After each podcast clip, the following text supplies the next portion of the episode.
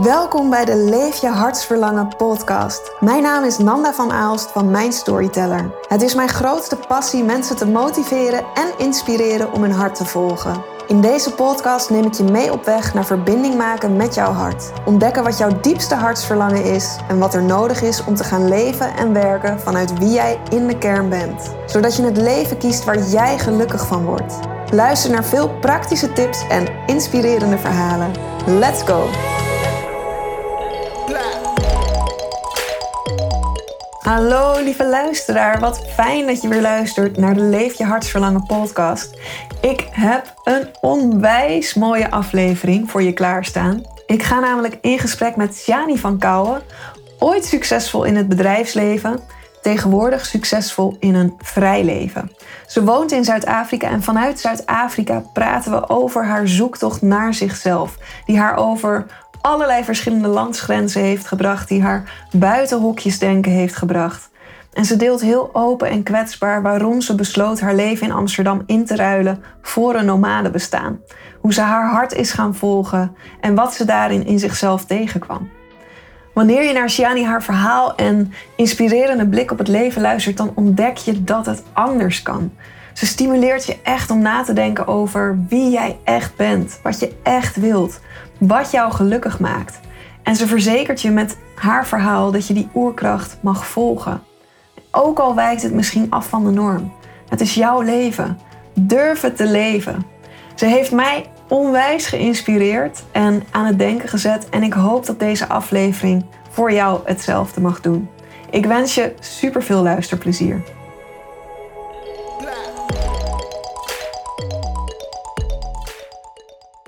Yes, lieve Siani, welkom in de Leef je hartsverlangen podcast. Live vanuit Zuid-Afrika. ik, uh, ik ben super blij dat jij samen met mij uh, ja, dit gesprek aan wilt gaan. Want je bent een uh, ontzettend inspirerend mens. en als er iemand is die haar leven nou ja, 180 graden heeft omgedraaid en haar hart is gaan volgen en ook steeds dichter bij zichzelf is gekomen en haar eigen weg heeft gekozen, dan ben jij het wel. En daar gaat de luisteraar gaat er ook gauw genoeg achter komen, denk ik. Nou, Wauw, dankjewel. Ja. Ja, laten we, eerst, um, laten we eerst gewoon eens beginnen met ja, hoe jouw leven er nu op dit moment uitziet. Want ik, ik zei al even, hè, je zit op dit moment zit je in Zuid-Afrika, uh, maar je komt uit Nederland vandaan. Um, ik ben heel erg benieuwd, ja, hoe is jouw leven nu? Hoe zien jouw dagen eruit? Hoe voel je jezelf? Ja. Um, ja, nou ja, als ik uh, nu naar buiten kijk, als ik s'morgens wakker word, dan zie ik uh, bergen en heel veel groen en een ezel en een paard. En uh, komt ons hondje de slaapkamer ingerend om ons wakker te maken. Um, en ik neem dat allemaal heel erg voor lief. Maar dat is natuurlijk wel heel anders dan, dan in Nederland. Um, Tuurlijk zijn er in, in Nederland ook mensen die uh, in, in de weilanden wonen en uh, op een boerderij genieten van, het, uh, van de natuur. Maar mijn leven, en wat ik veel zag bij vrienden en vriendinnen in, in nou ja, zeg maar de jongere doelgroep, was toch wel heel veel in de stad, kleine appartementjes, weinig groen. Um, daardoor ook misschien wat minder bewust van ja, wat de natuur je geeft, maar ook hoe lief we moeten zijn voor de natuur. Die connectie. Ik miste toen ik in Nederland was echt de connectie met het buitenleven, met de natuur, met dieren, met begrijpen wat planten, bomen, uh, dat soort dingen allemaal voor ons, uh, voor ons doen. Um, dus ja, wakker worden in deze omgeving is sowieso al heel erg een cadeautje.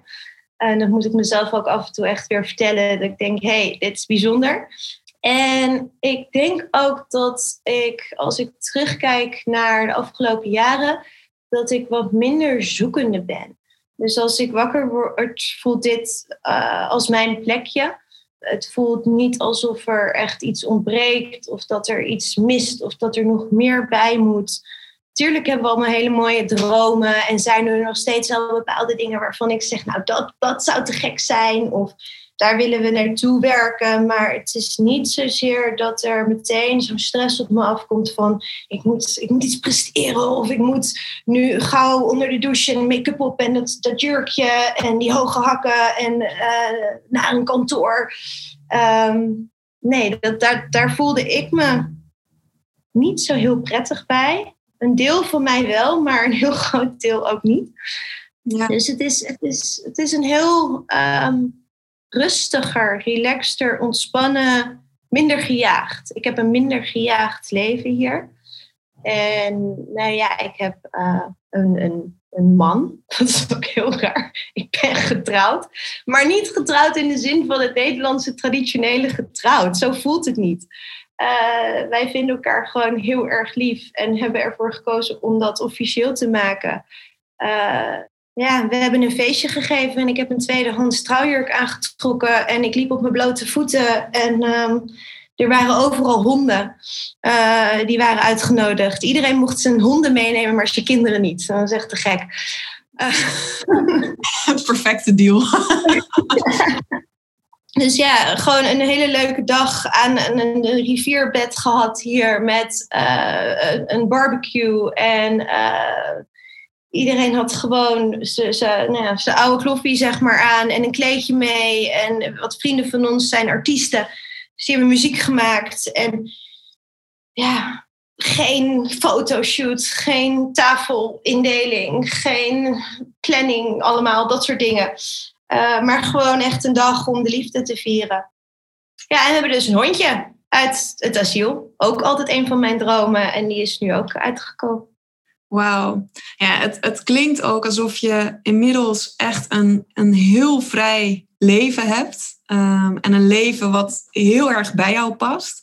Wat echt ja, helemaal aansluit bij wat je ook zei. Dat zoekende, dat is er, dat is er vanaf. Je voelt niet meer dat je continu op zoek bent, omdat je waarschijnlijk ook het leven hebt gevonden wat, ja, wat bij jou past. Dus dan houdt die, die zoektocht houdt ook op. Maar ik weet nog dat ja, wij zijn elkaar, zijn we zo'n drie jaar geleden zijn we elkaar in Amsterdam tegengekomen op een afscheidsfeestje van iemand anders. En toen vertelde je aan mij dat jij ook op het punt stond om uh, ja, te vertrekken en Nederland achter je te laten. En dat is volgens mij ook het punt geweest dat je jouw baan hebt opgezegd en alles wat vast was uh, achter je hebt gelaten en hebt besloten om vanuit een auto te gaan leven. En ik hoorde ook al even in jouw verhaal nu terug de natuur waar je in leeft en, en ja, de bergen die je om je heen hebt, de vrijheid die je om je heen hebt. Jij komt zelf uit de stad vandaan, dus een heel ander leven wat je volgens mij ooit uh, gehad hebt. Kun je ons eens meenemen naar hoe jij, voordat je het besluit hebt genomen om alles achter je te laten en alle vastigheid op te zeggen, en nu dus die vrijheid hebt gevonden, hoe jouw leven eruit zag. Ja, nou laat ik beginnen bij Microsoft. Ik begon ooit mijn carrière bij Microsoft. En um, in mij zaten denk ik altijd al twee, twee kanten. De ene kant was heel erg de, nou ja, laten we het even de hippie kant noemen. Uh, vrijheid, uh, uh, kleurrijke kleding. dat was ook een beetje de, de, invloed van mijn moeder. Mijn moeder was hippie, punkrocker vroeger. dus die, die kant zat heel erg in mij, dat creatieve, maar ook de businesskant. En ik denk dat dat de heel sterk de invloed is geweest van mijn vader. Uh, die zei van, nou weet je, uh, een goede baan, corporate, een huis kopen, um, naar uh, 2,4 kinderen, een, een labrador en iedere zaterdag naar de hockey. Dat, dat is zeg maar meer zijn, een beetje gechargeerd misschien, maar zijn invloed. En die twee zitten allebei in mij. En die, die maakt continu, hadden zij een soort ruzie met elkaar.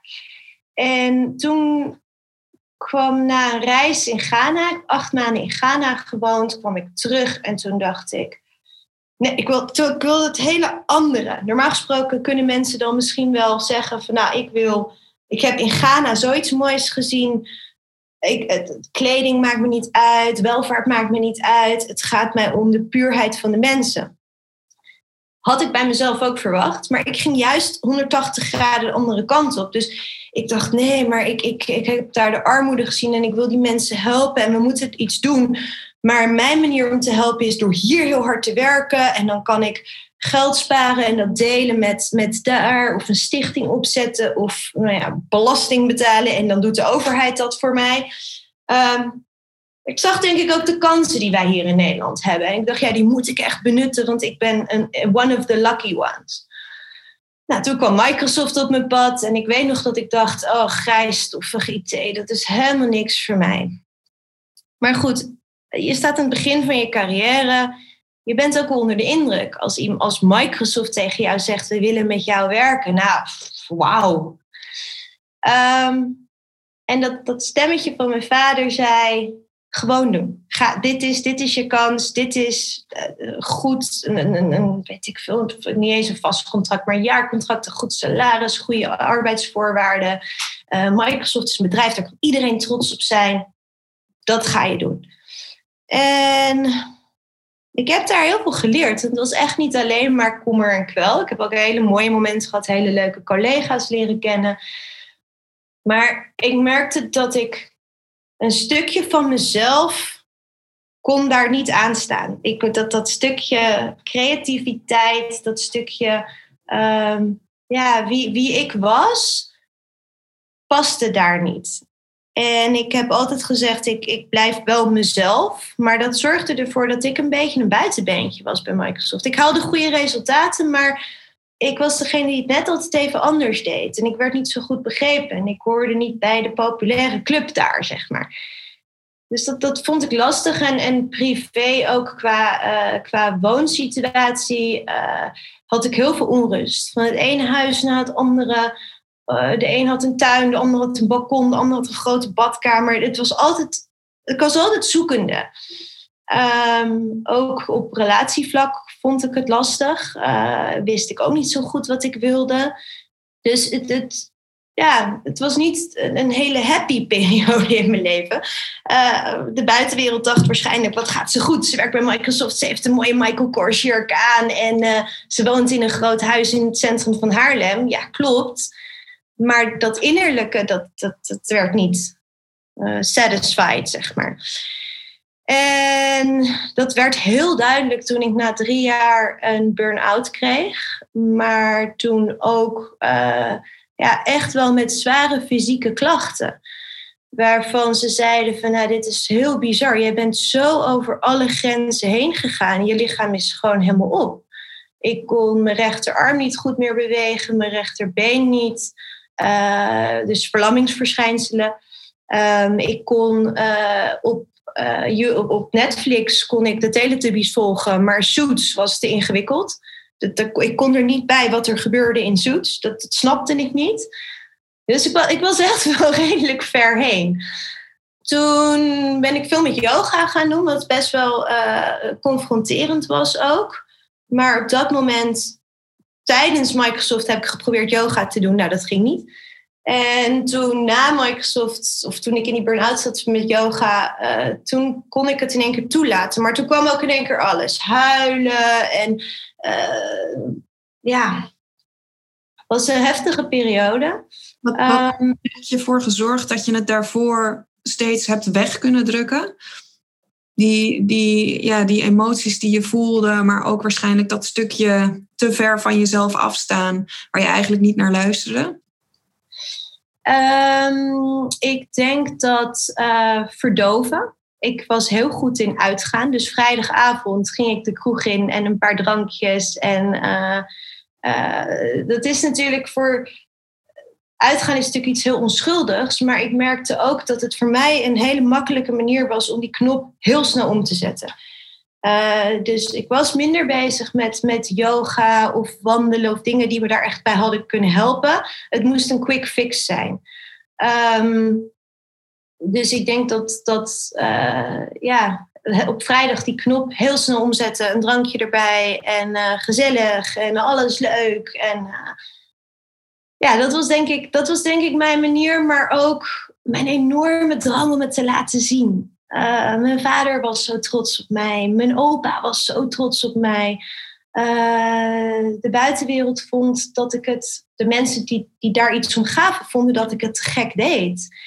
En dat is eigenlijk een, een, een beloning die best wel gevaarlijk is in mijn optiek. Want ja, we hadden het heel goed voor elkaar. Wat hebben jullie een te gek huis? Ik woonde samen met een vriendin midden in het centrum, in een soort van, nou, we noemden het het Sex in the City huis. Dat was te gek. Iedere vrijdag was het feest bij ons. Maar ja, ja. dat is niet lang vol. Nee, dus inderdaad eigenlijk ook door eh, de externe factoren, factoren en de mening van anderen, dat, ja, dat dat eigenlijk als een beloning werkt om jezelf maar goed genoeg te voelen en inderdaad ook die trots op jezelf te kunnen, te kunnen voelen. Ja, ja, ja zeker. Ja. En ehm, toen ben ik bij Microsoft weggegaan. Je komt dan natuurlijk in een heel traject van de ziektewet en alles. Hè? En daar zijn ze heel goed in. Dat, laat ik dat vooropstellen. De, de, regels en het systeem in Nederland zijn heel uh, verzorgend wat dat betreft. Ehm, maar ik dacht, ik kan nu twee jaar lang uh, in een systeem zitten waarbij ik heel erg geholpen word en waar iedereen echt voor je klaar staat en um, er alles aan wil doen zodat jij die job bij Microsoft toch weer kan uh, gaan uitoefenen, gaan beoefenen. Maar ik dacht eigenlijk, dit is gewoon de boodschap dat dit niet voor mij is. En ik kan heel hard gaan duwen en trekken om dit voor elkaar te krijgen. Maar nou ja, ik was toen bezig met yoga en in yoga zeiden ze, als je je flow hebt gevonden, dan komt het allemaal vanzelf. En er is een verschil tussen uh, tussen hard werken voor iets wat bij jou past. En dan zie je dat er ook resultaat komt en dan komt er versnelling en dan, dan, dan word je daar alleen maar blijer van. Of heel hard doorduwen omdat je iets wil bereiken wat niet bij jou past. Want dan kun je duwen wat je wil, maar er gebeurt niks. Dat gaat je alleen maar energie kosten. En die herkende ik. En toen dacht ik, dit is, Microsoft is voor mij dat tweede. Dus toen ben ik daar zelf eigenlijk uh, in, in overleg hebben we gezegd van nou, dit, dit was het. Dit was een mooie reis, maar hier houdt hij op. Toen heb ik nog een tijdje ja, veel aan yoga gedaan, veel geschreven. Um, maar toen wilde ik toch alweer erg, echt aan de slag. Er zit toch wel iets in mij wat dacht, ja, ik wil nu wel weer aan het werk. Ja, want voor jou om toe te geven aan, aan die burn-out en toe te geven aan dit, dit ben ik niet, dit past niet bij mij. Um, dat heeft best wel lang geduurd voordat ik daaraan toegaf. De burn-out heb ik echt uitgesteld tot het niet meer verder kon. Um, ik wist dat het zover was omdat ik 24 uur lang op een meeting van Microsoft, een hutje op de hei weekend, alleen maar aan het huilen was. En uh, dan ben je heel ver als je 24 uur lang ten overstaan van al jouw collega's alleen maar huilt dan, uh, ja, dan kan je gewoon niet meer. En ik weet nog dat ik op de terugweg naar huis reed en uh, de Arbo opbelde en zei, nou, ik, het is zover. Toen zeiden ze, ja, daar zaten we op te wachten. We zagen dit al aankomen, maar jij moest hem zelf voelen. En we, nou ja, dit telefoontje was alles waar we eigenlijk op zaten te wachten. Dat was jouw vraag ook alweer. Ja, ik, ja, hoe dat voor jou was om daar aan toe te geven. Want ik kan me voorstellen dat het misschien, tenminste, dat is ook wat we vaak horen van mensen die uiteindelijk in een burn-out terechtkomen. Dat is niet doordat je uh, te veel aan het werk bent, maar vaak ligt het aan iets wat intern is. Omdat je ja, te, hard je best wilt doen, dingen moeilijk los kan laten, uh, perfectionistisch bent en inderdaad aan het streven bent naar hogere, hogere resultaten. En vaak is een burn-out, kan dat dan ook gigantische gevoelens van falen oproepen. Dus ik ben ook benieuwd, ja, wat heeft dat met jou gedaan dat je uiteindelijk toe hebt moeten geven dat die manier van werken, bij, voor zo'n bedrijf werken, in zo'n functie werken, dat dat niet bij jou paste. Terwijl dat wel iets was waar je omgeving heel trots op was, maar waar je zelf gewoon niet happy van werd. Ja, ik denk dat ik zo ver heen was dat het me niet zoveel meer kon schelen. Ik dacht alleen maar, ik, ik, ik. En dat is bijvoorbeeld ook met. Um, normaal gesproken denk je, oh, allemaal mensen zijn wat leuks aan het doen. Het is lekker weer uh, FOMO. Die had ik ook niet meer. Ik, ik, ik was zo blij dat ik niks meer hoefde even. Dat ik echt even een dag in bed kon liggen. Dat ik mocht slapen. Dat ik niet naar buiten hoefde. Dat ik niet mee hoefde te doen met die hele red race. Um, het was zo wat ik nodig had dat ik ontzettend blij was. En dat hele, nou ja, ik was natuurlijk niet heel blij, maar die hele FOMO, dat, dat, dat, die was er helemaal niet. Ehm, omdat denk ik het erkennen voor mij gaf verlichting. Zeggen, oké, het is zover, ik heb een burn-out, ik kan, ik kan hier niks aan doen. Gelukkig had ik ook mensen om me heen die het serieus namen. Uh, een van mijn beste vriendjes, waarmee ik toen een tijdje gedate had, maar we hadden besloten dat we beter waren als vrienden. Ik weet nog dat ik hem appte en zei: Het is zover. Ik heb een burn-out en wil jij er alsjeblieft voor mij zijn? En dat opschrijven in een appje en ook hem om hulp vragen. Nou, dat moment staat me nog zo bij, omdat het zo vreemd voor mij was. Maar zijn reactie was zo bevestigend dat dat oké was om te doen. Dat hij zei, ja, natuurlijk ben ik er voor je. Morgenochtend kom ik koffie brengen en gaan we hierover praten. En wat ben ik trots dat jij deze, ja, dat je het aan jezelf hebt erkend. En wauw, vanaf nu wordt het alleen maar beter. Ik, ik ben er voor je. En ik dacht echt, wauw, dit is, ja, Mooi, ja. Dus eigenlijk een ander soort trots waar je toen mee te maken kreeg. Niet een trots op het, het harde werk en de prestaties, maar een trots op inderdaad je overgeven en, en toegeven aan, ja, aan jezelf eigenlijk. En, ja. ja. Wat mooi. En je gaf er net gaf je al aan inderdaad dat je daarna toen je gestopt was, toen ben je uh, veel aan de slag gegaan ook met schrijven. En dat je uiteindelijk ook wel weer ergens voelde, um, oké, ik moet weer, ik moet weer aan de slag, ik, ik moet weer iets doen. Wat heeft voor jou uiteindelijk doen besluiten om echt voor die hele vrije levensstijl te kiezen en om echt alles achter je te laten? Um, ja, ik heb even om hem heel kort samen te vatten, de stappen die daarna kwamen. Ik heb daarna nog een keer een best wel heftige baan aangenomen. Uh, waar, alsof ik het nog net even zeker moest checken. gaan we dit echt doen? Uh, nou, die baan heb ik ongeveer een jaar gedaan. En uh, ondertussen was ik ook een beetje bezig met wat freelance dingetjes. Ik merkte dat ik schrijven heel erg leuk vond. Durfde nog niet de grote stap te nemen om het zelf echt te gaan doen. Had ook te weinig ervaring. En ben dus bij een marketingbureau gaan werken. Nou, ook heel veel geleerd, heel veel kansen gekregen om mooie dingen te schrijven. Eh, maar het begon weer te frikken. Dat schoentje begon weer te frikken. Ehm, ik dacht, dit is nog niet die interne wat ik echt wil. Dit is nog niet volledig de internal uh, satisfaction. En toen heb ik een grote stap genomen om freelance te gaan werken. Dat was de eerste stap naar, uh, naar de vrijheid. Uh, twee vriendinnen van mij werkten freelance. Ik ging bij hun uh, op, op, hoe noem je dat, zo'n uh, working space, zeg maar. Zo'n, nou, hoe noem je dat nou? Zo'n coworking space. Ja, ging ik af en toe koffie drinken en kijken hoe zij dat deden. En ik dacht, ja, dit, dit, dit past bij mij. Het is super spannend, maar ik heb een netwerk inmiddels en ik, ik heb de hulp van deze twee vrouwen. Um, ik ga het gewoon doen.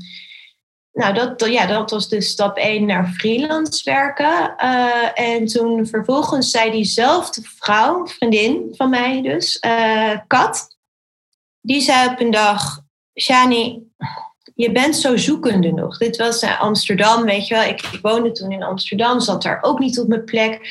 Ging in Haarlem op huizen passen, ging in Zandvoort in een caravan zitten. Ik kon het gewoon niet vinden. En toen zei ze: Ik snap eigenlijk niet wat jij nog in Nederland doet. Je bent niet getrouwd, je hebt geen kinderen. Je, je werkt freelance. Je kan overal op de wereld kan je, gaan, je kan gaan en staan waar je wil. Wat, wat doe jij hier nog? Als ik jou was, had ik het wel geweten. En toen dacht ik, ja, weet je, waarom niet? Ik speelde al zo lang met het idee om te gaan reizen en andere delen van de wereld te gaan zien. En toen dacht ik, ja, ik zie inderdaad ook niet zo goed waarom, waarom niet. um, en ik denk dat er toch wel een paar vrouwelijke uh, invloeden zijn geweest in mijn leven. Dus Kat, een vriendin van mij, maar ook Paula, die mij echt heeft geholpen met gesprekken waarin ik zei van ja, mijn huur in Amsterdam opzeggen, ik heb niks anders, wat moet ik dan gaan doen? Dus ja, gewoon reizen, je ziet het wel. Wat hield jou, denk je, op dat tot dat moment tegen? Wat, wat, welke angsten zaten er in jouw hoofd? Zekerheid. Hmm. En dan vooral het stukje financiële zekerheid. Ik ben heel erg opgevoed vanuit mijn vaders kant met uh, sparen. Sparen is belangrijk. Een vast contract is belangrijk. Geld achter de hand hebben voor als de wereld vergaat is heel belangrijk. Als je auto morgen kapot is, moet je overmorgen een nieuwe kunnen kopen. Um, en dat, dat is natuurlijk, daar is in zekere zin ook wel wat voor te zeggen. Als je nu nieuwsberichten leest waarin je ziet dat jongeren het niet altijd zo lekker voor elkaar hebben, ehm, ben ik daar ook heel blij mee. Maar het, het woog te zwaar voor mij. Het was heel erg, maar wat als? Ja, worst case scenario, ga je ergens in een koffietentje werken of neem je een vliegticket terug? Of ja. Wat heeft je, denk je, uiteindelijk die push gegeven zodat je dat los kon laten? Die wat als? Ik denk dat dat toch gewoon een ticket kopen was en naar Zuid-Afrika gaan en merken dat, um, dat het kon. Ja, het gewoon doen. Ja, en, en het gewoon doen inderdaad, dat, is dat denk je ook ja, de truc tot, want er zijn heel veel mensen die denk ik dezelfde dromen hebben om, om die vastigheid juist los te laten en te gaan kiezen voor vrijheid. Maar we blijven toch vaak hangen in al die wat als gedachten. Is het gewoon doen, is dat denk je de golden key naar, ja, naar, naar uiteindelijk voor het leven kunnen gaan waar je, waar je voor wilt gaan? Ja, het klinkt zo makkelijk, hè? gewoon doen. Um, laten we kijken wat gewoon doen eigenlijk betekent. Ik denk dat ik ook niet echt een andere uitweg zag. Dat klinkt heel negatief, maar het alternatief was niet aantrekkelijker. In Nederland blijven, uh, het werd ook winter en um, ja, wat net al zei, ik had mijn huis in Amsterdam opgezegd. Ik kon altijd bij mijn ouders terecht, maar ik had in principe een auto met een tas met kleding erin en ik ging van vrienden naar vrienden naar vrienden. En ik, ik, wist het gewoon echt even niet meer. Ik dacht, ja, ik, er is hier geen oplossing voor mij. Ik wil niet een duur koophuis nu. Ik wil ook niet een mega huur in Amsterdam. Ik wil ook niet bij mijn ouders wonen. Ik ben de dertig al voorbij, hoe lief ze ook zijn. Ja, wat ik als het alternatief was niet aantrekkelijker. Dus nam ja, een vliegticket en dan naar Kaapstad en dan geen ik had wel een plan, maar het was ook een ontdekkingsreis. Dus ik had daar niet bedacht, ik ga daar dan een appartement huren en ik ga daar dan. Ik ging, ik ging het ontdekken. En wetende dat als ik het niet fijn vond of als het niet was wat ik wilde, dat ik van mezelf ook naar Costa Rica mocht vliegen of terug mocht naar Nederland. Of ehm, iets heel anders. Ja, het was open. Het was echt, ga maar kijken wat je daar vindt vind je daar wel wat je blij maakt. Ja, dus eigenlijk had je ook niets te verliezen. Maar door de keuze misschien ook makkelijker werd om het gewoon te doen. Ja, en ik denk dat veel mensen hebben tegen mij altijd gezegd dat dat zoekende wat ik had, of dat dubbele wat ik had, uh, wat ik net omschreef, van die businesskant, maar ook die hippie kant, dat was niet goed hè, om dat te hebben. Want als je zoekende bent, dan moet je daarmee aan de slag en dan moet je in therapie, want dan is er iets mis met je. Als je uh, die businesskant en die hippiekant hebt, ja, dan moet je maar gewoon kiezen. Want dat is vooral heel vervelend voor mensen om je heen. Die snappen namelijk dan niet in welk hokje ze je moeten stoppen. En ik denk dat ik toen op dat moment wel accepteerde van ja, weet je, dat zoekende is helemaal niet zo erg. Dat betekent gewoon dat ik het nog niet heb gevonden. Maar het is niet dat ik daardoor minder ben of dat ik slecht ben of dat ik ziek ben of iets. En dat dubbele in mij, ja, dat zit er gewoon in. En laten we kijken hoe ik daar het meeste uit kan halen. In plaats van dat ik mezelf dwing om één van die types te zijn. Want daardoor gaat die ander altijd weer om aandacht vragen. Ja, ja, bijzonder hè? hoe we eigenlijk inderdaad altijd mensen in een bepaald hokje willen plaatsen, omdat dat het makkelijker maakt uh, voor onszelf. En ook hoe we eigenlijk vanuit jongs af aan al aangeleerd krijgen dat zoeken en dingen proberen, dat dat niet goed is. Dat dat het niet weten, daar hangt een heel negatieve lading hangt daaraan. Terwijl ik zeg zelf ook altijd tegen mensen van ja, juist mensen die heel veel verschillende dingen gaan proberen, dat is juist goed. Want dan ben je juist continu op zoek naar oké, wat past het beste bij mij? Nee, dit voelt niet goed, dus ik ga iets anders proberen. Dat voelt ook nog niet helemaal goed, dus ik ga iets anders proberen. En er zijn zoveel mensen die niet direct vinden waar ze helemaal gelukkig van worden, maar die dus blijven hangen in het gevoel van niet helemaal gelukkig zijn, omdat ze niet durven te proberen. Want daar hangt zo'n negatieve lading aan. Als je inderdaad zoekende bent en dingen gaat proberen, ja, dan ben je, nou ja, om het maar eventjes met hele grove termen te zien, word je als een loser beschouwd of iets dergelijks, of iemand die het leven niet helemaal op orde heeft. Terwijl ik denk dan, je mensen die aan het zoeken zijn, dat zijn juist de mensen die steeds dichter naar zichzelf toe aan het bewegen zijn en die heel erg naar zichzelf aan het luisteren zijn. Ja. Ja. ja, het is inderdaad juist een heel mooi proces. En het is zo jammer dat we, als we volwassen zijn, veel minder mogen zoeken. Weet je, ja, als je 14, 15 bent, moet je een profiel kiezen op, op, op de middelbare school, omdat je dan al moet weten wat je wilt worden ja, wat als je dat niet weet? En wat als je op je 35ste nog steeds een zoekende bent? Of op je 40ste weer wilt gaan zoeken naar iets? Ja, waarom niet? Ja, precies. Ja, mooi. En jouw zoektocht bracht je ehm, in Kaapstad. Uh, daar ben je in eerste instantie ben je daar uh, met een half plan naartoe vertrokken, maar niet echt met een, met een plan. Wat heeft die eerste periode in Zuid-Afrika met jou gedaan? Ja, dat is heel grappig dat je net zegt een, een half plan. Want misschien was het toch die zekerheid waardoor ik voordat ik naar Zuid-Afrika ging dacht, moet daar wel iets te doen hebben. Dus een vriend van mij die had een hotel hier en zijn vriendin was uh, vrouw, ik zeggen was zwanger.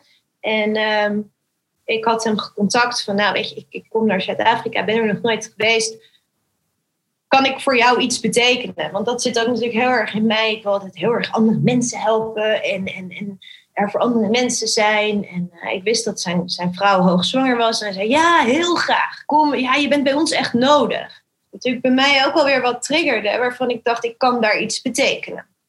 Of dat echt was wat ik op dat moment wilde, wat ik voelde, weet ik niet. Maar ik had het gevoel van, nou, ik heb daar in elk geval iets. Ik heb, ik heb een bestemming, ik heb een plan en ik kan ook nog eens een keer iets voor iemand betekenen. Ja, tof.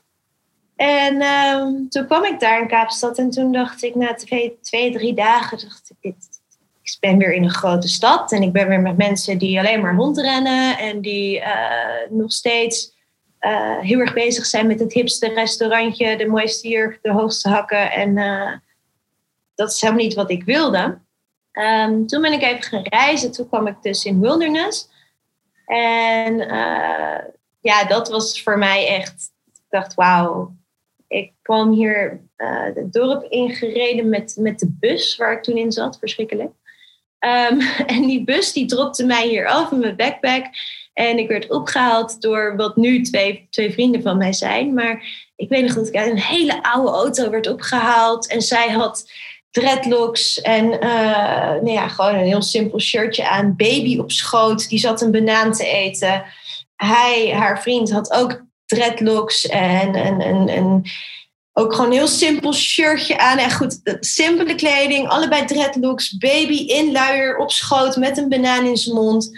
En uh, ze zeiden, nou welkom, leuk dat je er bent. We gaan nu naar het hostel. En we gingen in zo'n heel oud autootje, gingen we de hele berg door. En ik kwam bij het hostel en iedereen had gewoon ja, blote voeten, uh, relaxte kleding aan. Uh, niemand had make-up op. Uh, een biertje in je hand. Uh, je zaten echt midden in de bergen. Um, koeien om je heen, honden. Kinderen kropen over de vloer met een luier aan. Zaten helemaal lekker onder de modder. En, en ja, het voelde voor mij echt als wauw, wat, wat een fijne plek hier. Hier kun je gewoon echt dat, ja, dat masker afzetten. En hier gaat het echt om wie jij als persoon bent. En niet wat je doet, wat je draagt. En dat was ook moeilijk voor mij. Ik moest ook echt even, ik kwam mezelf echt op momenten tegen waarop ik dacht, ja, dat geintje wat je in Nederland flikt met je image, dat kan hier dus niet. Ze kijken hier dwars door je heen. Ja, dat lijkt me inderdaad best, best lastig. Want je komt eigenlijk vanuit een hele andere wereld. Uh, waar je wel dat, dat hippie gevoel in je hebt. Maar ik snap helemaal wat je bedoelt. Je denkt, ja, wow, wacht even. dit is wel even next level. En hier, uh, ja, dit, dit is een ander soort vrijheid en hippie zijn dan hoe we denk ik in Nederland vrij en, en hippie zijn. Wat we daaronder uh, ja, onder ja. verstaan ja, het was echt no bullshit, zeg maar. En, en, en had je wel dat. Um, ik wil niet negatief zijn, maar een beetje dat, had je meer een beetje die commerciële hippie-gedachte. Um, dus ja, ik, ik vind zelf altijd een beetje dat de, Burning Man en, en de, de Africa Burns en zo neigen ook een beetje die kant op. Het is hippie en het is vrij, maar het is toch wie heeft de mooiste outfit en uh, wie heeft er een. Uh, ja, het is toch een beetje dat uiterlijke nog ja, kwam je dus aan als commerciële hippie, dan, dan wordt dat, dat, dat zien ze. Dat, dat, dat, ja, dat, dat kon dus niet. Het was, het was echt puur authentiek. En, uh, en wat ben jij daarin van jezelf tegengekomen? Of waar ben je tegen aangelopen? Welke laagjes heb je van jezelf af moeten pellen? Um, ik denk toch wel een stukje dat, uh, dat wij of althans laat ik voor mezelf spreken, maar dat ik gewend was om veel zekerheid uit het materialisme te halen. Dus als het. Ik, ik, had op een gegeven moment een auto gehuurd, maar het kan niemand interesseren wat voor auto jij hier huurt. En dan kwam ik aan met uh, een, een, wat grotere auto, omdat ik dacht, oh, dat is wel comfortabel. En uh, ik vind dat wel fijn rijden en voel ik me veiliger als vrouw alleen. Er is niemand die tegen jou zegt als je aankomt rijden, wat heb jij een mooie auto? Nee, je hebt gewoon een auto. Uh, maar dat is heel raar, want dat zit in je. Dat, dat, dat, dat is bijna een soort van gekke verwachting die je hebt. En als dan niet die bevestiging komt van... hé, hey, ik vind jou tof, want jij hebt een toffe auto. Dat is, oh, oh niemand zegt iets over mijn auto. Of ook bijvoorbeeld qua... Uh, prestatie. Ik merkte ook nog wel dat ik heel erg bezig was met uh, werken. Werken was voor mij namelijk ook een. Um, een uh, en dan hoefde ik me niet druk te maken om iets anders. Dus werken was voor mij ook een vlucht. En als ik 80 uur per week kon werken, dan hoefde ik die 80 uur niet te besteden aan mezelf. Hmm. En dan kom je ineens in een land waarin, uh, nou ja, je jezelf dus andere vragen gaat stellen. Je bent in het begin ben je bezig met, oh lekker, ik ga even naar de, naar de fontein of de, de waterval. Of ik ga hiken, dat klinkt zo leuk. Maar hiken is niet hetzelfde als de hele dag achter je mail zitten. Dus als jij de hele dag achter je laptop bent, komen er niet veel gedachten over wie ben ik en wat wil ik en wat, wat, waar gaat het leven om. Ga jij een hele dag hiken, dat is fysiek zwaar, maar mentaal komen er juist wel die vragen. Wie ben ik? Wat wil ik? Waar word ik gelukkig van? En daar had ik, daar had ik veel minder tijd aan besteed oh, in mijn hele leven. En nu kwamen in één keer kwam die ruimte en dat werd ook bijna van me verwacht, want mensen waren daar de hele dag mee bezig. Mensen zeiden ook, nou ja, filosofische gesprekken, gesprekken over dingen die over het leven, over hoe je tegen dingen aankijkt, het eten van dieren, uh, wat de, de, wat de forest, het bos, wat de natuur je kan brengen. En toen dacht ik, maar ik, ik, ben, ik weet hier helemaal niks vanaf. Ik wil heel graag meer weten over planten, maar wat ben ik een nerd? Ik weet helemaal niks. Ik weet niet eens hoe een aloe vera plant eruit ziet. Mindfulness en, en hoe je uh, je relatie tot andere mensen en tot jezelf. En ik voelde me af en toe echt alsof ik een beginner was. Wat een heel onprettig gevoel was. Want ik dacht, maar ik, ik, ik moet ineens, het is iets waar ik nog nooit aandacht aan heb besteed. En ik heb het altijd wel interessant gevonden. En vanuit yoga en bepaalde coaching trajecten dacht ik dat ik er alles vanaf wist. Maar in één keer dacht ik, nee, nee, nee, nee, deze mensen leven het. Deze mensen lezen het niet. Ze kijken niet een, een, een documentaire over hoe dit werkt. Uh, zij leven het iedere dag. Ja. Wauw. Ja, dat lijkt me heel bijzonder om daar zo middenin te vallen. En dan ook te ontdekken dat je eigenlijk, nou om het zomaar even te zeggen, dat je je identiteit, dat we, durf ik toch wel te zeggen, hier in Nederland onze identiteit verlenen uit werk, uit materialisme. Waardoor we inderdaad niet bezig hoeven te zijn met vragen als wat wil ik, wie ben ik? Uh, en, en ja, wat, wat, wat past bij mij? Wat vind ik fijn? Word ik hier blij van? Word ik hier niet blij van? We gaan gewoon op de automatische piloot en we verlenen onze identiteit uit, ja, uit hele andere dingen. Dus dat lijkt me heel bijzonder om, dat dan, om dan in een ja, wereld te stappen, wat je eigenlijk vanuit hier inderdaad alleen maar in documentaires ziet. en waar mensen het echt leven en echt één zijn met de natuur. En helemaal niks geven om inderdaad die mooie auto of dat nieuwe huis waar je in woont. Of een nieuw jurkje wat je hebt gekocht of uh, topprestatie wat je hebt geleverd op werk. Want het gaat gewoon om wie jij bent als persoon en niets anders. Ja, bijzonder. Super bijzonder. Wat is denk je in die periode de grootste les geweest die je geleerd hebt? Ehm, ik denk dat de les voor mij is geweest dat ik het. Het voelde alsof ik iets had ontdekt waar ik wilde zijn. Maar het was nog even van: hé, hey, hoe, hoe kom ik er? Maar ik, ik heb nog nooit zo sterk gevoeld dat ik wist wat ik wilde.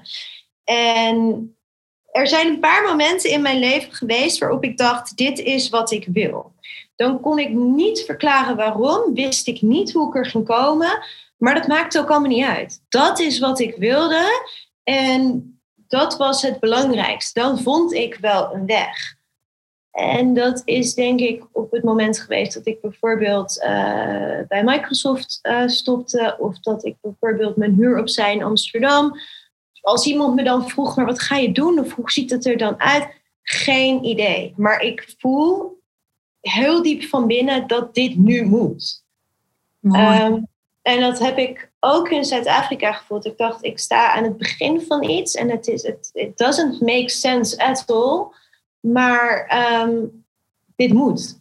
Ja, dit, alsof dit is, niet, niet te verklaren inderdaad. Echt zo'n oerkracht. Dat je denkt, dit is wat het is. En waarom, I don't know. Hoe ik het ga doen, weet ik ook niet. Maar aantrekkingskracht naar iets. Ja. Ja, mooi. Ik heb dat zelf ook eh, gelukkig mee mogen maken, zulke soort momenten in mijn leven. En dat is inderdaad, het is niet te verklaren. Je komt er gewoon niet bij. Waarom je gevoel inderdaad zo sterk zegt: dit is wat jij nu moet doen, of dit is de weg die jij mag gaan volgen.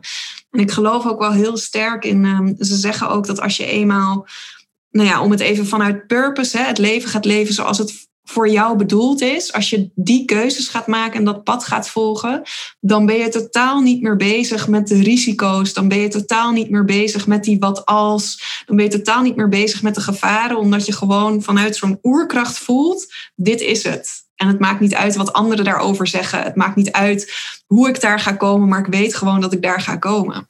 Ja, ja bijzonder. Ja, zeker. Ja. Er komt heel veel energie vrij dan. Ja, ja. En je bent uiteindelijk na drie maanden ben je uh, wel nog teruggegaan naar Nederland uh, vanuit Zuid-Afrika. Hoe heb je ervoor gezorgd? Want je voelde daar al wel van oké, dit is wat ik wil.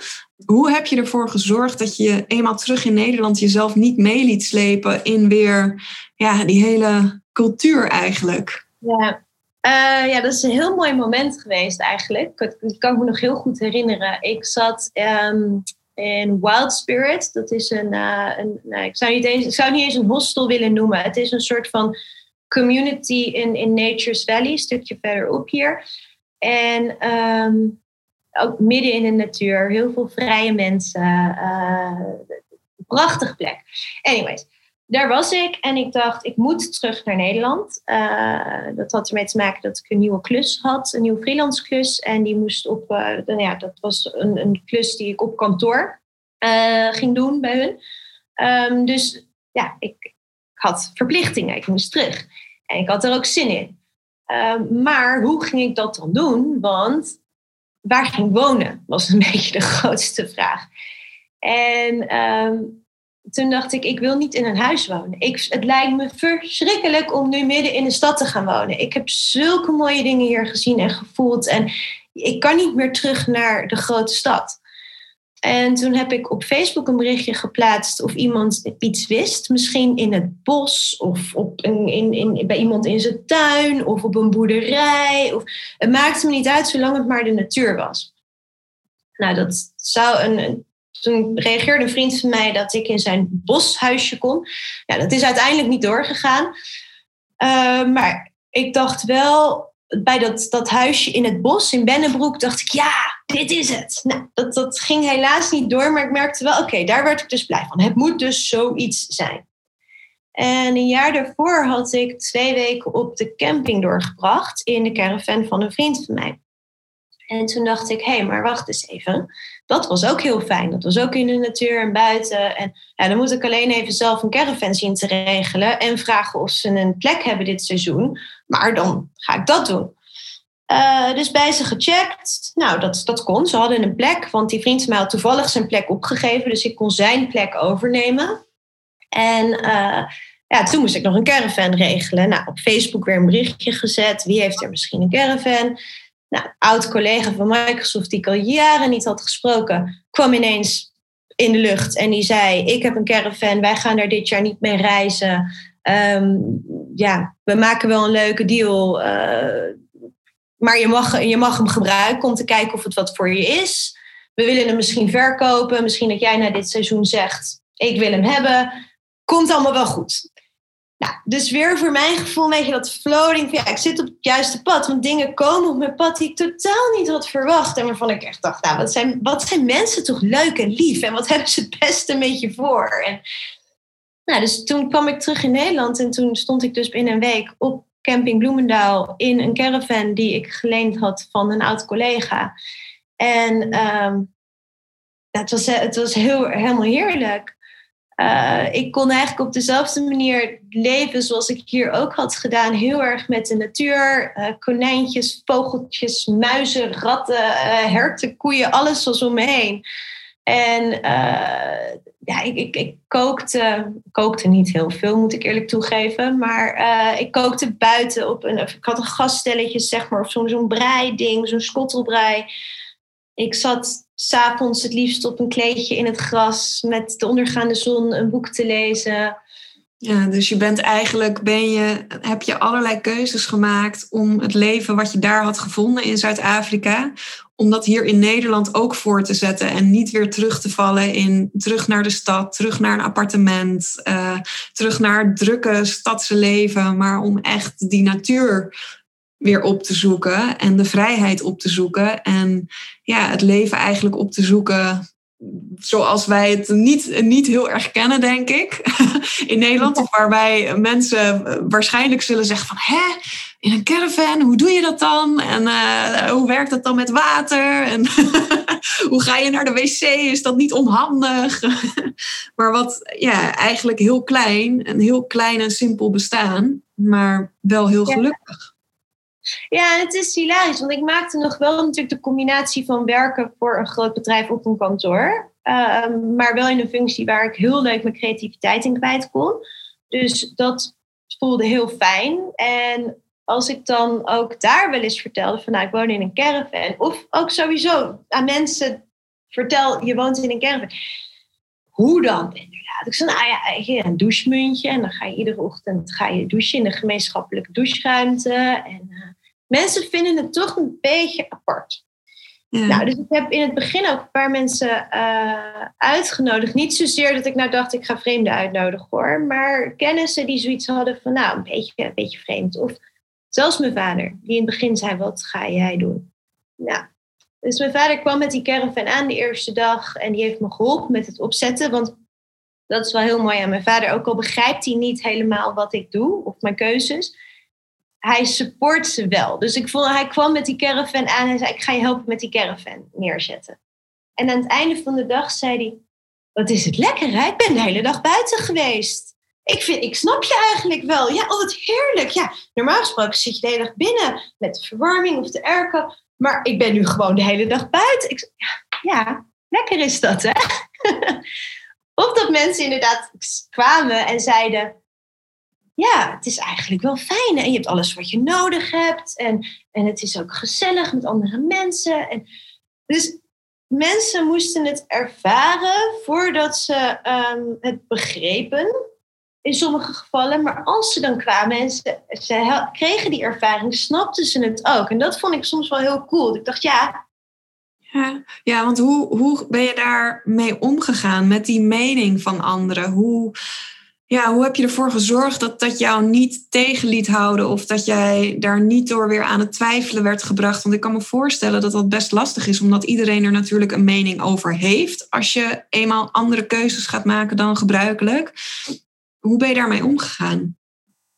Ehm, het is, soms is het lastig als mensen. Ehm, je dan toch in een, in een soort hokje willen stoppen. Ik werd al gauw de hippie. Of, ehm, ja, ze willen het dan toch een naampje geven. Uh, maar ik denk dat als je zelf heel erg overtuigd bent van dat het jou gelukkig maakt, of, of dat je sowieso ook doet wat jou gelukkig maakt, dat je ehm, een heel leuk mens bent om mee om te gaan. Dat wil ik niet zeggen dat ik een heel leuk mens was.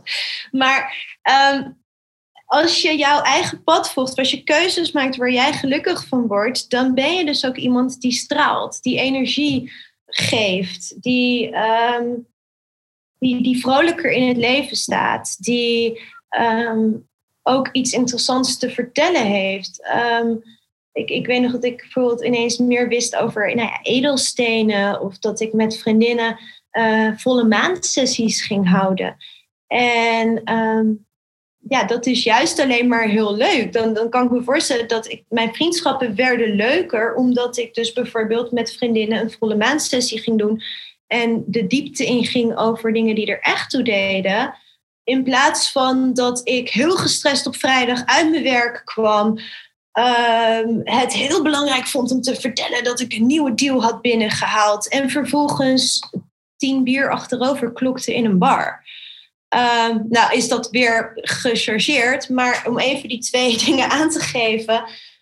Ik, ik denk dat als je doet waar jij heel blij van wordt als persoon, dat de, de mensen die, die in je leven horen, die zullen dat alleen maar aanmoedigen en heel fijn vinden. En uh, de mensen die het een beetje gek vinden, nou ja, nodig ze uit om het samen met jou te ervaren. De mensen die het echt afkeuren of vervelend doen of, of moeilijke vragen stellen of in een hoekje proberen te stoppen. Ja, dat zijn gewoon misschien niet jouw mensen. En ik heb ook mensen moeten loslaten in het proces. Maar en mijn therapeut, ik heb, ben op een gegeven moment naar een therapeut gegaan, ook om wat dingen te bespreken. En uh, zij zei op een gegeven moment tegen mij: Hoe vind je het gaan? Ik zei: Ja, het gaat hartstikke goed. Maar dat komt ook omdat ik alleen maar leuke mensen om me heen heb. Weet je, dat, ze snappen mij en uh, het gaat nu heel goed met me. Ik zeg: Maar er komen ook mensen in mijn leven die niet zo zijn. En toen zei ze: Maar hoezo komen die dan in jouw leven? En zei ik: Nou, ja, die komen dan op je pad en daar moet je dan wat mee. En toen zei ze, maar waarom moet je daar iets mee? Waarom laat je mensen toe die niet bij je passen of die met negatieve energie komen of die iets van jou vragen, die aan je trekken? Je weet toch dat je ook gewoon mag zeggen met jou, met jou niet. Nou, ik was 33, 34, 33 en het was echt een eye-opener dat ik dacht, mag dat? mag ik ook nee zeggen tegen mensen die niet een fijne energie hebben? Oh, maar die moet ik toch helpen? Of daar moet ik toch iets mee? Of als ze, iets, als ze me nodig hebben, dan moet ik toch. Of ik moet toch, weet ik veel, me daaraan conformeren. Of ik moet toch zorgen dat zij me aardig blijven vinden. Nou, dat hoeft dus niet. En toen ik dat was, denk ik even die laatste knop die ook om moest van hé, hey, begrijp je het niet, dan niet. Ja, dus eigenlijk op alle vlakken dicht bij jezelf blijven. En op alle vlakken continu af blijven stemmen. Past dit bij mij? Geeft mij dit uh, goede energie? Maakt me dit blij? Dus zowel qua mensen, maar ook qua inderdaad uh, werk, dingen in het leven die je tegenkomt. En jezelf beseffen dat je daarin keuzes mag maken, inderdaad. En dat je nee mag zeggen. tegen ja, hetgeen wat niet bij jou past of hetgeen wat niet goed voelt. Ja. Ja, prachtig. Hey, dan wil ik toch ook nog eventjes de stap maken naar ja, het leven wat je nu hebt. Want je bent uiteindelijk vanuit Nederland heb je toch de keuze gemaakt om opnieuw uh, terug te gaan naar Zuid-Afrika. Wat heeft je doen besluiten om de stap definitief te zetten om in Zuid-Afrika te gaan wonen? En Nederland achter je te laten. Ja, ehm, ik denk dat dat niet eens echt een keuze was. Uh, ik was voor de, voor de pandemie. Uh, toen, voordat de hel uitbrak, toen was ik was in Zuid-Afrika. En wij merkten er helemaal niet zoveel van. Ik, ik, was, hier, ja, ik was hier zes maanden. En um, ik stond een beetje op het punt van wat, wat ga ik nou doen? Want door de hele coronacrisis werden visums, uh, visa, visums automatisch verlengd. Dus ik voelde eigenlijk aan alles, hey, dit is mijn kans en ik wil hier blijven. Maar ik vond het ook nog heel, het, het, was, het was een rare situatie. Er, er speelden persoonlijk wat dingen waardoor ik dacht, ik weet niet of ik de zekerheid hier heb. Uh, maar ja, we stonden ook aan het begin van een pandemie. Dus het was natuurlijk hartstikke veel paniek in de wereld. En niemand wist wat er zou gebeuren. En ik wist niet zeker of ik het support network hier had, wat er nodig zou zijn in worst case scenario. Je houdt van een plek, maar je hebt hier niet je roots. En mijn roots, dan, dan word je ineens heel praktisch. Mijn roots zijn toch in Nederland. Ja, je support structure, je, de, de, overheid überhaupt. De overheid staat aan mijn kant in Nederland, want ik ben een Nederlander. Hier ben ik een toerist.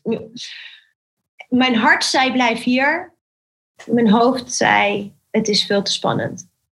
En mijn ouders hebben toen een ticket geboekt. En ik weet nog dat ik volledig in overgave ging. Mijn hart deed niks meer, mijn hoofd deed niks meer. Mijn moeder zei: Ik heb voor jou besloten, leg je daarbij neer. Hmm. En de dagen, ik moest allemaal heel snel gebeuren, drie dagen en ik was weer in Nederland. En uh, de dagen dat ik net terug was, kon ik alleen maar huilen. Ik wist meteen toen ik op het vliegtuig zat eigenlijk al dat het de verkeerde keuze was.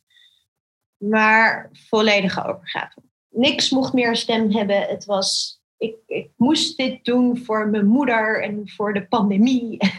goed.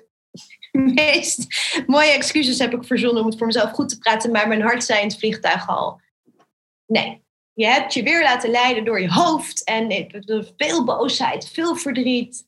En ik kon ook heel makkelijk boos worden op mijn moeder. Hè? Die had het allemaal gedaan. Het had niks met mij te maken, mijn moeder. Ehm, en iedere dag dat ik... Want Zuid-Afrika ging compleet dicht. Dus ook al had ik terug gewild, het kon niet.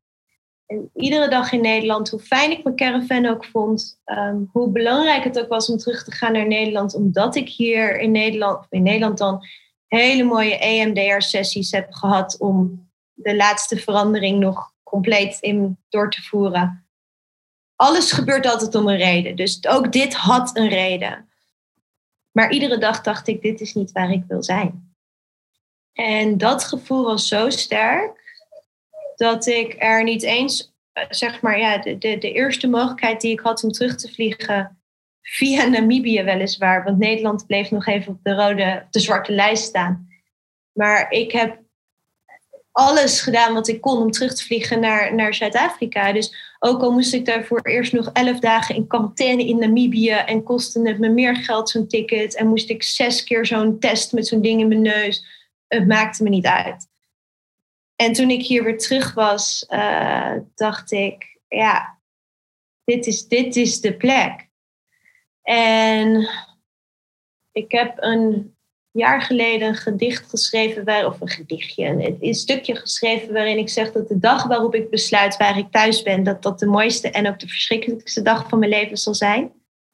Omdat ik het heerlijk vind om het gevoel te hebben dat ik nu hier wil zijn, maar misschien morgen ergens anders en dat dat ook oké is. Dus als jij zegt uh, definitief echt in Zuid-Afrika wonen, vind ik um, qua woorden heel lastig, omdat ik denk, ja, maar nu ben ik hier. maar misschien dat ik, ik mis ook mijn moeder. Dus ik wil ook nog wel even terug naar Nederland binnenkort. En uh, dan wil ik misschien ook nog een keertje door Europa reizen. En ik wil misschien ook nog wel naar Zuid-Amerika.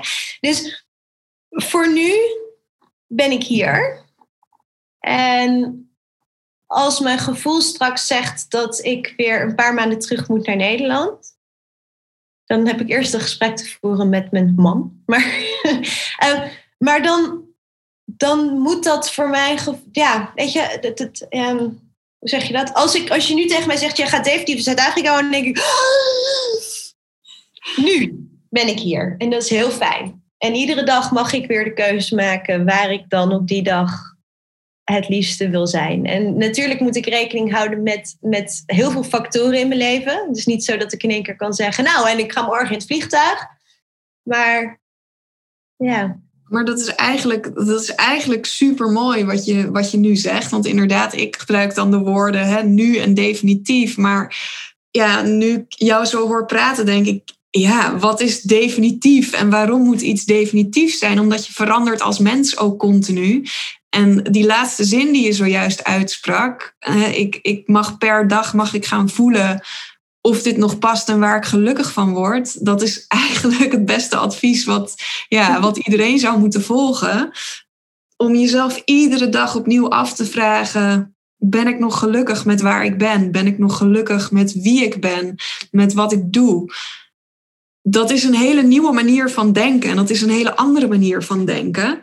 Maar ik geloof wel de beste manier van denken om het meest gelukkig te kunnen zijn.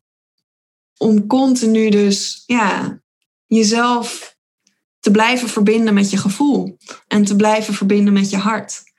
En dat is dus blijkbaar ook wat jij, uh, wat jij je eigen hebt gemaakt. Wat er denk ik altijd al in heeft gezeten in je.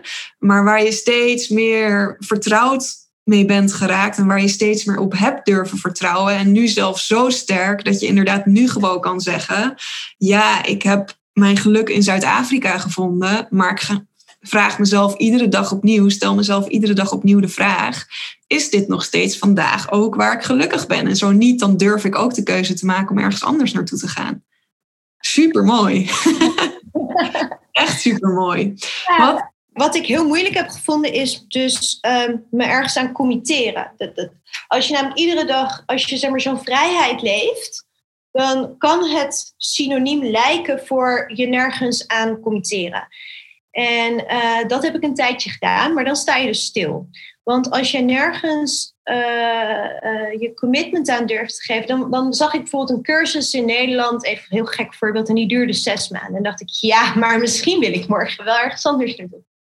Of dan had ik een hele leuke man ontmoet, maar dan dacht ik, ja, nee, dat is leuk voor nu. Maar ik ga hem wel vertellen dat ik over drie maanden ook weer weg kan zijn. Want...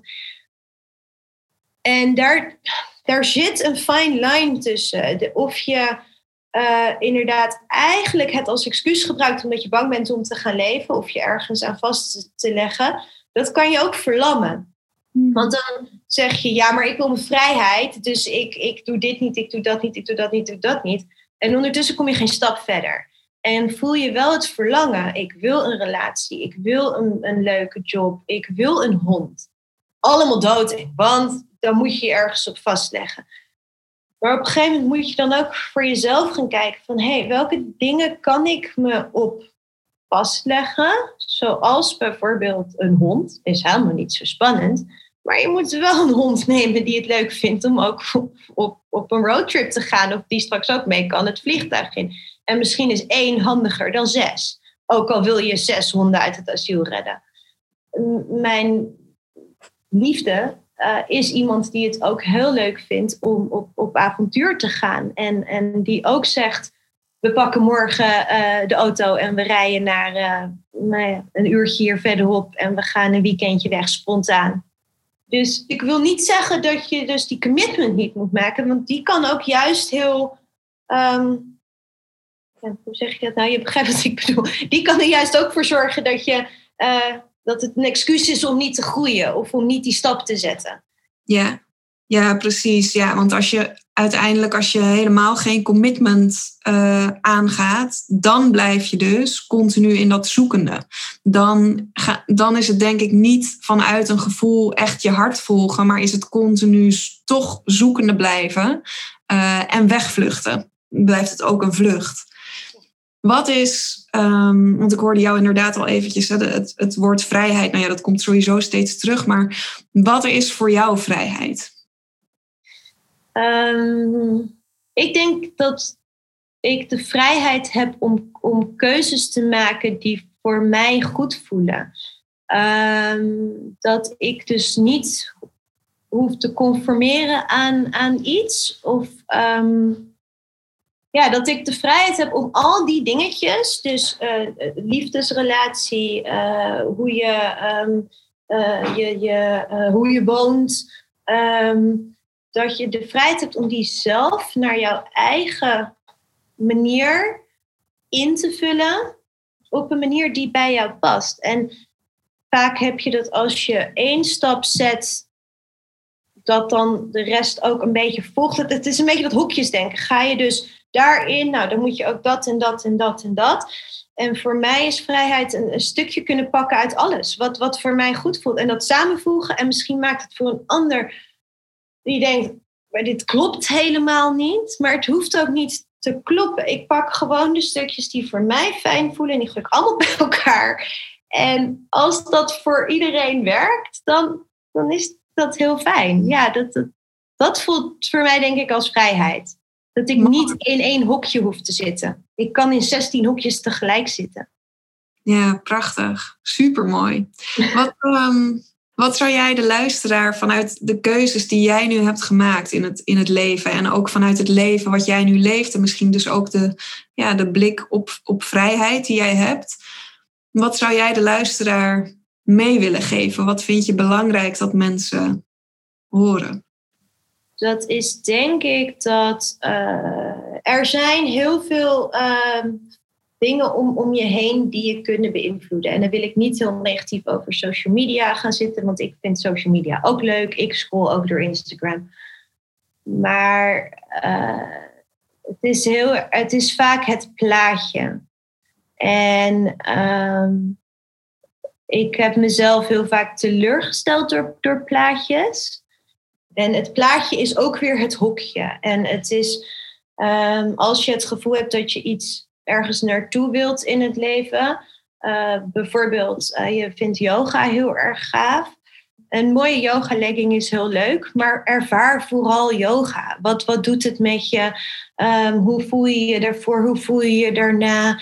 En uh, ga er misschien ook eens heen met een hele oude legging. Als je, als je denkt, nou, die yoga legging is, is, zo, is, is is belangrijk. Nou, trek eens wat anders aan en kijk eens hoe andere mensen dan reageren. Of als je uh, die jurk bij die tweedehandswinkel super mooi vindt, maar je vindt het een beetje eng om aan te trekken, doe het in een omgeving die misschien voor jou fijn voelt en kijk hoe mensen daarop reageren. En zou mensen dus een beetje, nou ja, adviseren klinkt. Ik ga mensen adviseren, maar wat maakt jou gelukkig? En dan gaat het er helemaal niet zozeer om wat andere mensen daarvan vinden. Want natuurlijk willen we dat andere mensen ons lief en aardig en leuk vinden, maar dat, dat komt van binnenuit. En als jij, nou ja, misschien is het wat ik eerder gezegd heb, als jij doet waar jij gelukkig van wordt, dan trek je andere mensen aan. Dan, dan is jouw energie mooi. Dan, dan sta je vrolijk in het leven. Dan heb je wat te vertellen.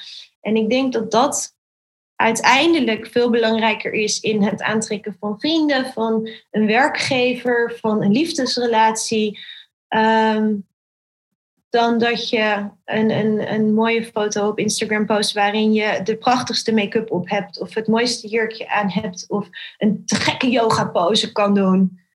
Ja, heel cool. Maar als het bij je past. Als het bij je past, is dat natuurlijk helemaal te gek. Maar als, je, als dat niet in jou zit, ja, denk ik dat je er uiteindelijk zelf diep van binnen dat onderbuikgevoel niet heel happy van. Ja, mooi. Prachtig. Maar dat vind ik dus ook heel mooi van wat jij zojuist zei. Dat de vrijheid voor jou om juist ook zit in dat je 16 verschillende dingen allemaal met elkaar kan combineren. En dat maakt jou. En het maakt niet uit dat je, om het zomaar even te zeggen, dat je eh, misschien met, met dreads en een neusring rondloopt, maar tegelijkertijd er ook heel erg van houdt om ik weet nu niet of dit zo is, hè, maar er tegelijkertijd heel erg van houdt, bijvoorbeeld om uh, een groot succes te boeken in het werk wat je doet. Uh, of ervan houdt om heel erg een gestructureerde agenda te hebben. Voordat ik deze podcast afsluit, heb ik eigenlijk nog vijf vragen aan je. Um, Die ik van jou vraag om vanuit je hart te beantwoorden. Dus niet vanuit je hoofd, niet te veel over nadenken. Uh, lekker impulsief antwoorden. En misschien in één zin uh, of in één woord, dat mag ook zelfs. Uh, maar in ieder geval vanuit je hart. Ben je er klaar voor? Komen ze. Ja. Mijn hartsverlangen leven betekent.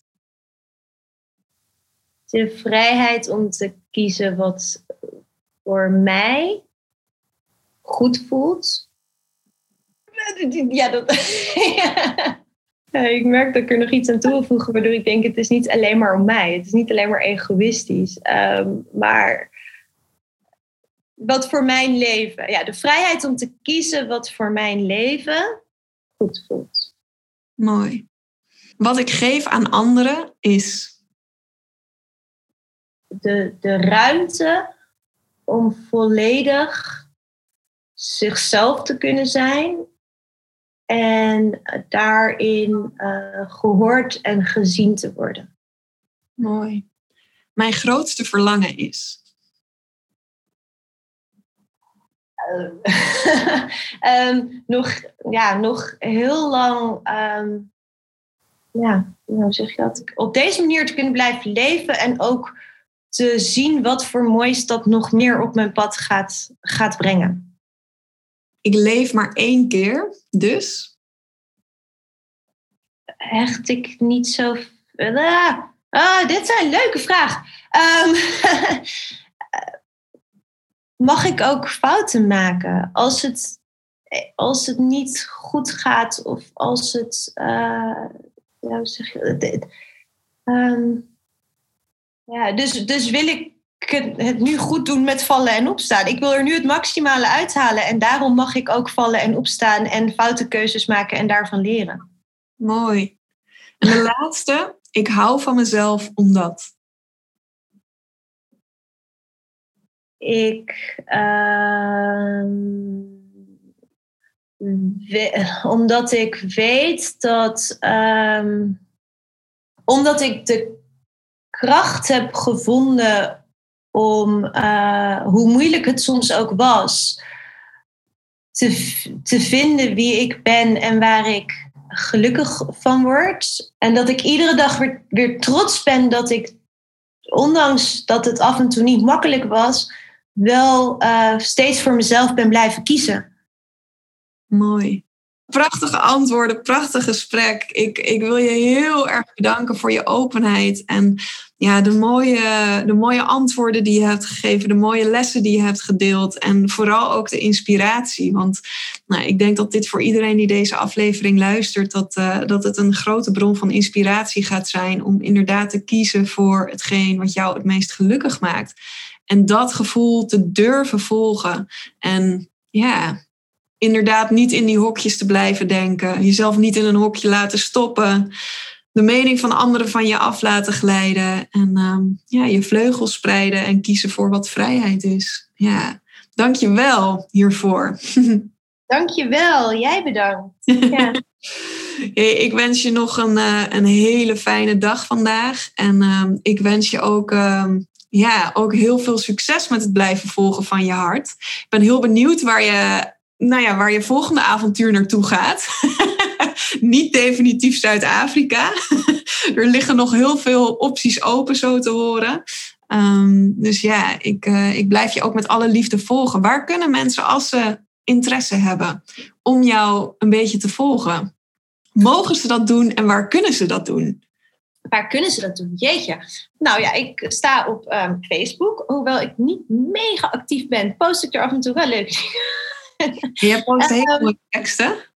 Ja, nou, dank je wel. Wat lief. Um, ja, dus mijn, mijn naam gewoon onder mijn eigen naam op, uh, op Facebook. Facebook, dat zet ik, er, uh, dat zet ik erbij in ja. de show notes voor iedereen die, uh, die ook jouw mooie verhalen wil lezen, de mooie teksten wil lezen die, die je af en toe schrijft. Dat is ook heel inspirerend um, ja, via Facebook. En nogmaals, dank je wel.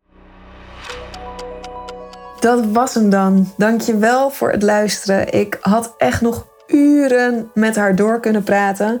Ik hoop dat je er net zo van genoten hebt als ik. En ik ben ook heel benieuwd wat voor inzichten jij door Shani haar verhaal te luisteren zelf hebt gekregen. Ik vind het super leuk als je me dat laat weten. Dat kan via mijn Instagram-account. Je vindt me via mijn storyteller.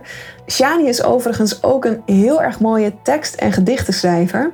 En haar woorden raken je vaak rechtstreeks in je hart. Je volgt haar via Facebook, Shani van Kouwen. Shani schrijf je S-I-A-N-I-E en Kouwen met O-U. Dus werp daar zeker een blik. Volgende week ben ik weer bij je terug met een nieuwe aflevering. En voor nu wens ik je een fijne dag of slaap lekker. Doei doei!